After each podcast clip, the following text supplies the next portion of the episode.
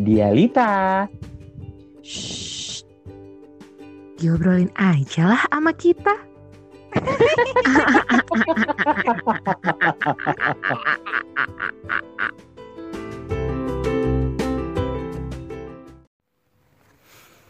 Halo.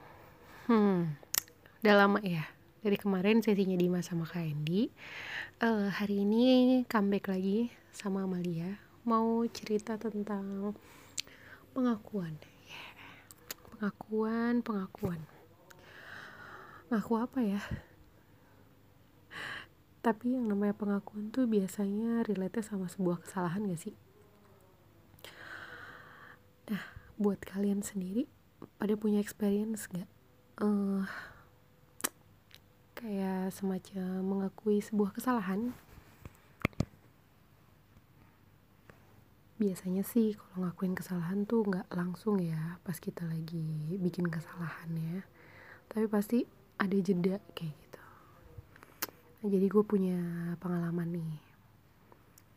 Um, waktu masih kecil sih sebenarnya.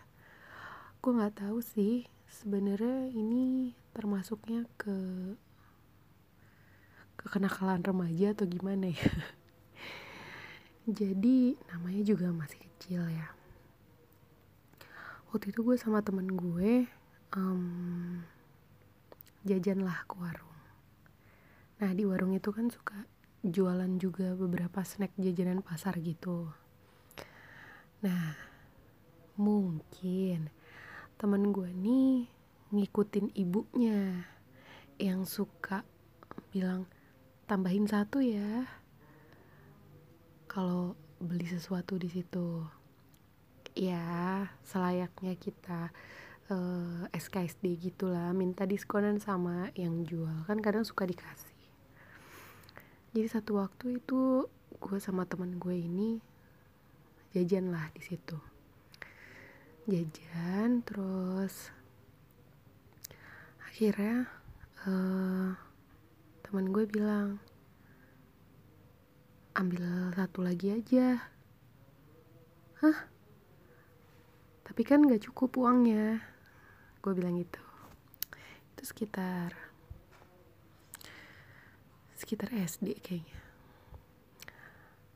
Nah terus um, gak apa-apa. Ibu aku sering kok kayak gitu.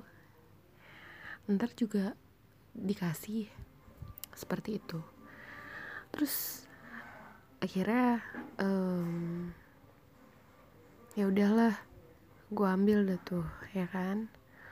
Uangnya kita taruh langsung di meja. Nah sepertinya yang jualan tuh paham. Eh tadi ambil berapa? Kayak gitu. Nah karena gue panik gue nggak tahu kenapa. Tiba-tiba gue pergi aja gitu kabur Nah, setelah itu besoknya uh, tiba-tiba gue diinterogasi sama nyokap. Diinterogasi sama nyokap gue dan ditanyain. Kemarin ada jajan ke warung ini nggak? Beli ini nggak? Kamu ambilnya berapa banyak? Gue takut tuh untuk ngakuin bahwa gue ngambil uh, jumlah yang tidak seharusnya gue ambil. Sampai akhirnya nyokap gue bilang nggak apa-apa bilang aja. Kalau memang ngambil lebih nanti ibu bayar. Kadung malu dong.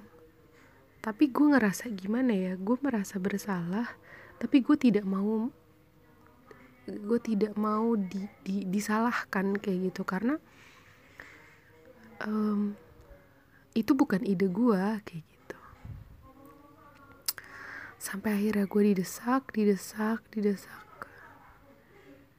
Gue nggak berani ngakuin kesalahan gue di depan banyak orang. Sampai ketika pas udah beberapa hari gue baru cerita lagi sama nyokap gue bahwa gue memang ngambil itu dan itu gue ceritakan kronologinya.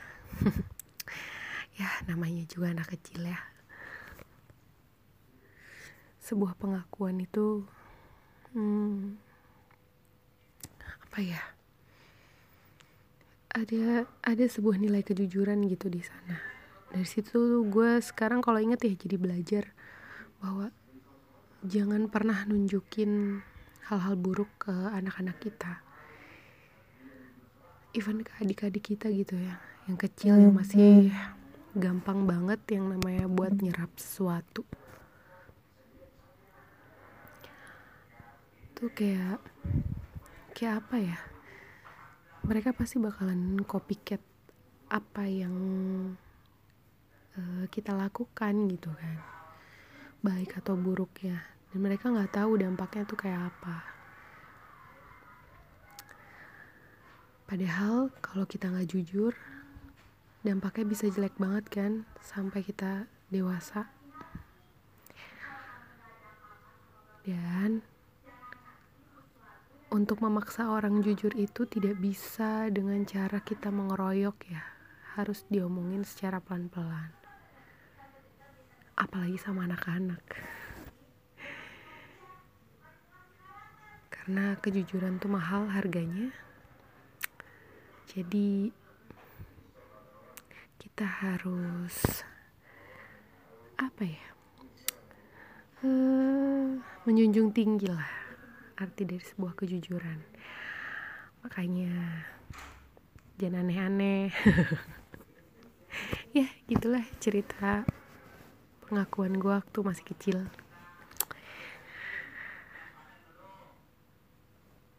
Bye